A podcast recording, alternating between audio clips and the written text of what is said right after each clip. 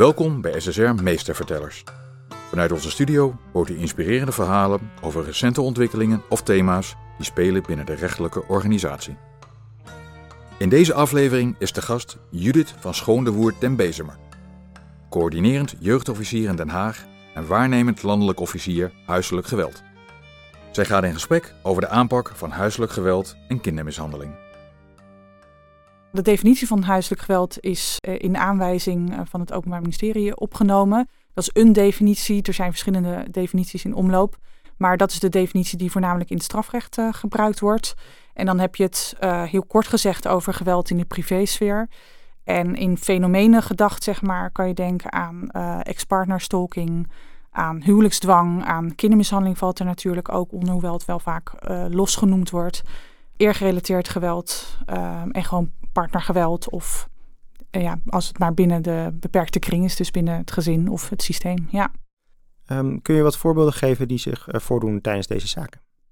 Je kan het eigenlijk zo gek niet bedenken of je komt er tegen, want huiselijk geweld uh, verschijnt in ontzettend veel uh, vormen, van licht tot heel erg zwaar. Van ik kan het me bijna niet voorstellen tot dit zie ik wel vaker. Als ik denk aan zaken die wat vaker voorkomen, dan denk ik ook aan dichter bij huis. Mensen, bijna alle mensen hebben wel eens ruzie met hun relatiepartner. En je ziet in een aantal zaken dat, dat zo'n ruzie dan en de communicatieproblemen die er dan in zo'n gezin zijn, op een gegeven moment zo hoog oplopen dat de grens van fysiek geweld overgegaan wordt. Dat noemen ze ook wel situationeel geweld. Dat zijn de zaken die je, die je wat vaker ziet en waar mensen zich denk ik ook wel wat bij kunnen voorstellen dat het die kant op gaat. Waarbij ik nog, natuurlijk nog steeds zeg dat als je eenmaal die grens over bent gegaan, dat je je, ja, dat je, schuldig maakt aan een strafbaar feit en dat we daar iets mee moeten. En als je aan de andere kant van het spectrum uh, kijkt, uh, dingen die je misschien niet kan voorstellen, maar wel ook nog wel met enige regelmaat uh, voorkomen. Denk ik aan een voorbeeld waarbij mensen een huisdier bijvoorbeeld instrumenteel inzetten om de ander te dwingen om iets te doen omdat ze weten dat die ander natuurlijk wel van dat beest houdt. En dan ja, dreigen bijvoorbeeld het beest geweld aan te doen om maar te zorgen dat diegene doet wat die ander wil. Dat soort voorbeelden kom je helaas ook tegen in de praktijk. En dan heb je het over meestal iets zwaardere problematiek. En um, een cursus hebben we. Waarom is die belangrijk voor in het kader van huiselijk geweld? Omdat huiselijk geweld ontzettend veel voorkomt. Uh, en je dus ook als professional bij de rechtspraak of bij het Openbaar Ministerie er ontzettend veel mee te maken hebt. Um, ik denk dat een vijfde tot een kwart van de zaken die in het strafrecht instromen, bijvoorbeeld huiselijk geweld uh, betreffen. Cijfers verschillen een beetje, maar dat komt het in hoofdlijnen wel op neer. En ja, als je zoveel zaken hebt uh, die daarover gaan, dan moet je natuurlijk ook weten hoe groot het probleem is, hoe hardnekkig het probleem is. En het probleem is heel groot en ook wat voor schade het oplevert. Vanuit die schade en het benoemen daarvan, het bespreken daarvan in de opleiding, um, uh, krijg je ook uh, ideeën en aangereikt zeg maar, over hoe je, hoe je zo'n zaak moet aanpakken als officier of als rechter. Oh, dat is mooi die zaken zijn bijna altijd heel complex. En dat heeft mee te maken dat het binnen het gezin uh, plaatsvindt. Dat houdt een complexiteit al in zich, hè, omdat je mensen zich uh, afhankelijk van elkaar uh, zijn vaak. Maar ook het doorbreken van een cirkel van geweld is heel erg lastig. en we zien ook dat, want huiselijk geweld bestaat natuurlijk al heel lang als fenomeen. En je ziet ook dat die cijfers van hoe vaak het voorkomt, dat verandert de laatste jaren ook helemaal niet. 119.000 uh, volwassenen per jaar, hè, dus elk jaar opnieuw. En 200.000 kinderen per jaar, ook weer elk jaar opnieuw. Uh, die slachtoffer worden van huiselijk geweld en kindermishandeling. Die cijfers die zijn er heel lang stabiel. En dat betekent dat we als keten, dus in het strafrecht, maar ook daarbuiten in de zorg, um, nou, nog niet goed genoeg op elkaar zijn ingespeeld om die, om die cirkel van geweld te doorbreken. Want huiselijk geweld kenmerkt zich uh, door een hele hoge mate van recidive. Als het één keer is gebeurd, is de kans dat het nog een keer gebeurt heel groot. En we weten ook dat de schade bij kinderen die daar bijvoorbeeld getuigen van zijn of zelf het geweld zeg maar ondervinden, um, dat die, ja dat heet intergenerationele overdracht, maar dat die dat, die, uh, dat geweld uh, ook vaak weer meenemen in hun eigen volwassenheid, wat op zichzelf weer nieuwe schade en problemen oplevert. En um, zijn er specifieke onderdelen die betrekking hebben op kindermishandeling? Uh, ja, er zijn uh, meerdere cursussen op het gebied van huiselijk geweld. Er is een, uh, een tweedaagse cursus huiselijk geweld, maar ook een specifieke cursus gemaakt voor kindermishandeling. En dan moet je vooral denken aan de wat zwaardere zaken van kindermishandeling. Bijvoorbeeld, het zijn vervelende voorbeelden om te noemen, maar het is helaas wel de realiteit. Uh, kinderen met gebroken botten in het ziekenhuis of die geschud zijn als, als babytje.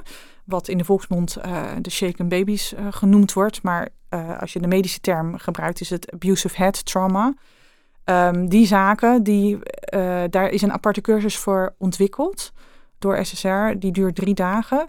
En uh, daar wordt uh, ingespeeld vooral op dat de opsporing, uh, dat je daar meer over leert, omdat die vaak afwijkend is van reguliere opsporing. Omdat degene die met die zaken te maken heeft wat meer moet weten over de, de medische kant van het verhaal, dus de forensische medische expertise. FME afgekort wordt daar uitgebreid besproken, maar ook de impact die het heeft op degene die die zaken doet. Dus de professional zelf, die wordt daarin meegenomen, omdat het natuurlijk niet uh, niet niks is om met zulke zaken uh, te maken te hebben. En nog veel meer onderwerpen. Maar dit zijn denk ik in hoofdlijnen waar uh, die cursus over gaat. Ja, en je had het net ook over in dit soort zaken, zeg maar, schade, lichamelijke schade. Ja. Zijn er nog andere voorbeelden van schade? Ja, je hebt natuurlijk lichamelijke schade en denk dan niet alleen aan een sneetje, een blauwe plek, maar er gaan ook helaas uh, uh, tientallen mensen per jaar dood als gevolg van uh, huiselijk geweld. En dan hebben we het niet alleen over de shaken baby's waar ik het net over had, maar ook volwassenen. En als je het over andere soorten schade hebt, heb je het over uh, psychische gevolgen voor kinderen, maar ook voor volwassenen. Arbeidsongeschiktheid is iets wat daar heel erg uit uh, voortvloeit, vaak uit voortvloeit. Uh, de economische kosten zijn een keer doorberekend in verschillende onderzoeken. En die blijken ook echt enorm te, zien als je die, te zijn. Als je die getallen ziet, dan schrik je helemaal naar. En we weten dus ook dat de schade heel erg lang voort blijft duren. Er zijn zelfs onderzoeken die aan het bekijken zijn of echt somatische klachten zoals uh, kanker of uh, hart- en vaatziekten in relatie te brengen zijn met het ondergaan van huiselijk geweld in de jeugd. Uh, dus de, de rijkwijde is, van schade, zeg maar, is enorm. Ja. ja. En je had het net even over de cirkel van geweld, ja. die te doorbreken. Um, hoe kan het opleidingsaanbod daar aan bijdragen? Nou, ik zei aan het begin al dat de ontwikkelingen in het, in het veld van huiselijk geweld, uh, uh, die volgen elkaar in rap tempo op. En die moet je natuurlijk gaan vertalen in, dat, uh, in die opleiding. En wat er in het veld gebeurt, is dat we inmiddels wel weten dat echt alleen integraal werken daar een, een antwoord op kan zijn, op die cirkel van geweld willen doorbreken. Um, en dat doen we eigenlijk niet. Dat is ook ontzettend lastig, want het zijn verschillende organisaties die elkaar taal ook helemaal niet spreken. Uh, en dan heb ik het over de justitieorganisaties, uh, politie, openbaar ministerie, rechtspraak, reclassering, Raad voor de Kinderbescherming. Um, maar ook de zorgorganisaties, en dan bedoel ik bijvoorbeeld Veilig Thuis, is daar de hoofdspeler, denk ik, in. En ook het hele lokale zorgveld wat daar nog uh, achterweg komt. Dat aan elkaar verbinden van die organisaties, daar wordt landelijk heel erg hard aan gewerkt. Dus er wordt een verbinding gezocht tussen de strafrechtketen en de zorgketen. Uh, en je kan ook niet zonder elkaar. En in de strafrechtketen zijn we, is het steeds helderder geworden dat wij geen goede beslissingen kunnen nemen in het strafrecht als we niet weten hoe het bijvoorbeeld zit met de veiligheid in dat gezin. En wat voor antwoord wij daar vanuit strafrecht op kunnen bieden. En zie je daar zeg maar, een aparte rol of een speciale rol voor de uh, Veilig Thuis? Ja, want zij zijn vanuit de wet, vanuit de WMO, bij uitstek uh, de organisatie die de veiligheid uh, beoordeelt, taxeert. Daar zijn ze gewoon voor aangesteld.